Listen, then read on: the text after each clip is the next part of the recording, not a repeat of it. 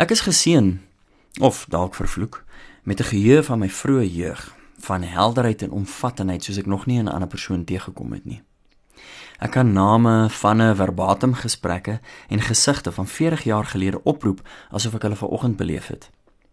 Die geheue skop veral in met mag en mening vanaf ouderdom 8 en is vanaf ouderdom 18 effe getem deur die misbruik van geheuebelemmerende rekreasiemiddels gedurende my storm en drangjare.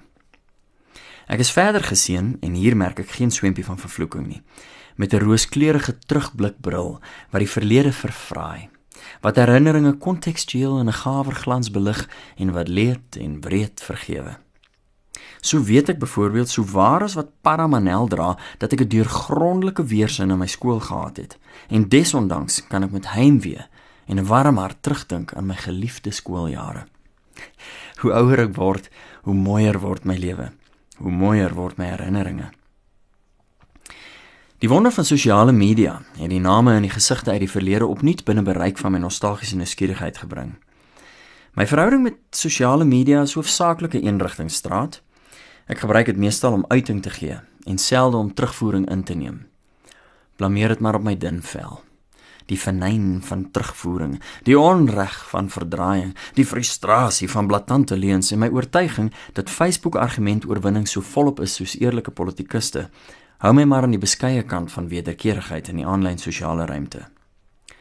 Maar onlangs het ek lus geraak om al hierdie ou name na te vors, om te kyk waar die laerskoolmaatjies is en wat hulle alles aanvang.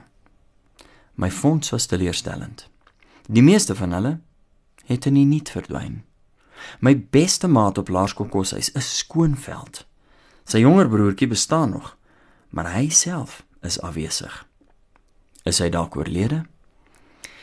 Wel ek weet van die hele klomp hoërskooltydgenote wat reeds in hulle 20's oorlede is. Lyk my die 1990's het verwoesting onder ons generasie gesaai. 2 is vermoor. 5 het selfdood gepleeg. 4 het gesterf van oordosisse en ek skat so 5 is oorlede in motorongelukke en 1 het selfs in 'n oorlog gesneuwel. En dit is slegs die waarvan ek verseker weet.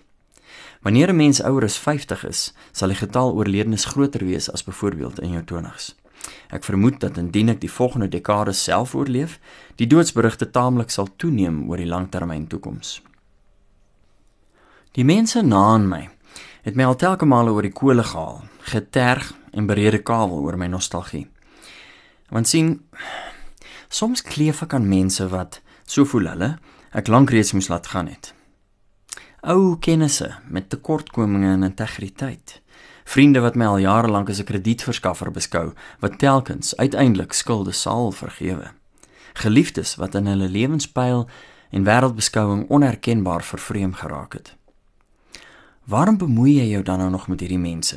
Is gewoonlik die slotvraag van sulke gesprekke. En uiteindelik is dit iets wat ek ook myself elke dan en wan afvra. Maar ja, ons leef in 'n era van vervang en weggooi goed.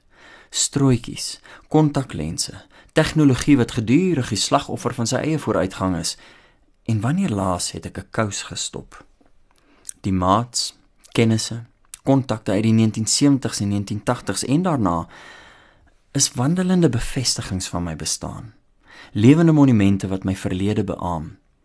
En in 'n wêreld waarin ons alles weggooi en vinnig vervang, in 'n wêreld van die nie blywende, vind ek waarde in die onderhoud van langtermynverhoudings. Selfs wanneer hierdie verhoudings nie altyd van die heel gesondste is nie. Mens moet seker maar net leer waar om die grense te trek.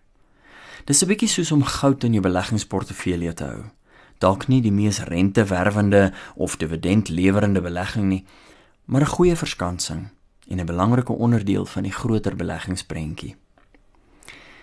Dalk moet ek ten slotte noem dat ek die afgelope 3 jaar vir die eerste keer gapings in my geheue begin merk het.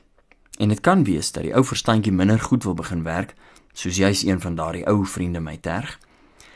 Of dit kan wees dat die vestiging van 'n eie familie en 'n nuwe algehele lewenstylverandering uiteindelik die fondamente gelê het vir die bou van nuwe herinneringe om dan die al ewige gekleef aan die verlede 'n bietjie te tem.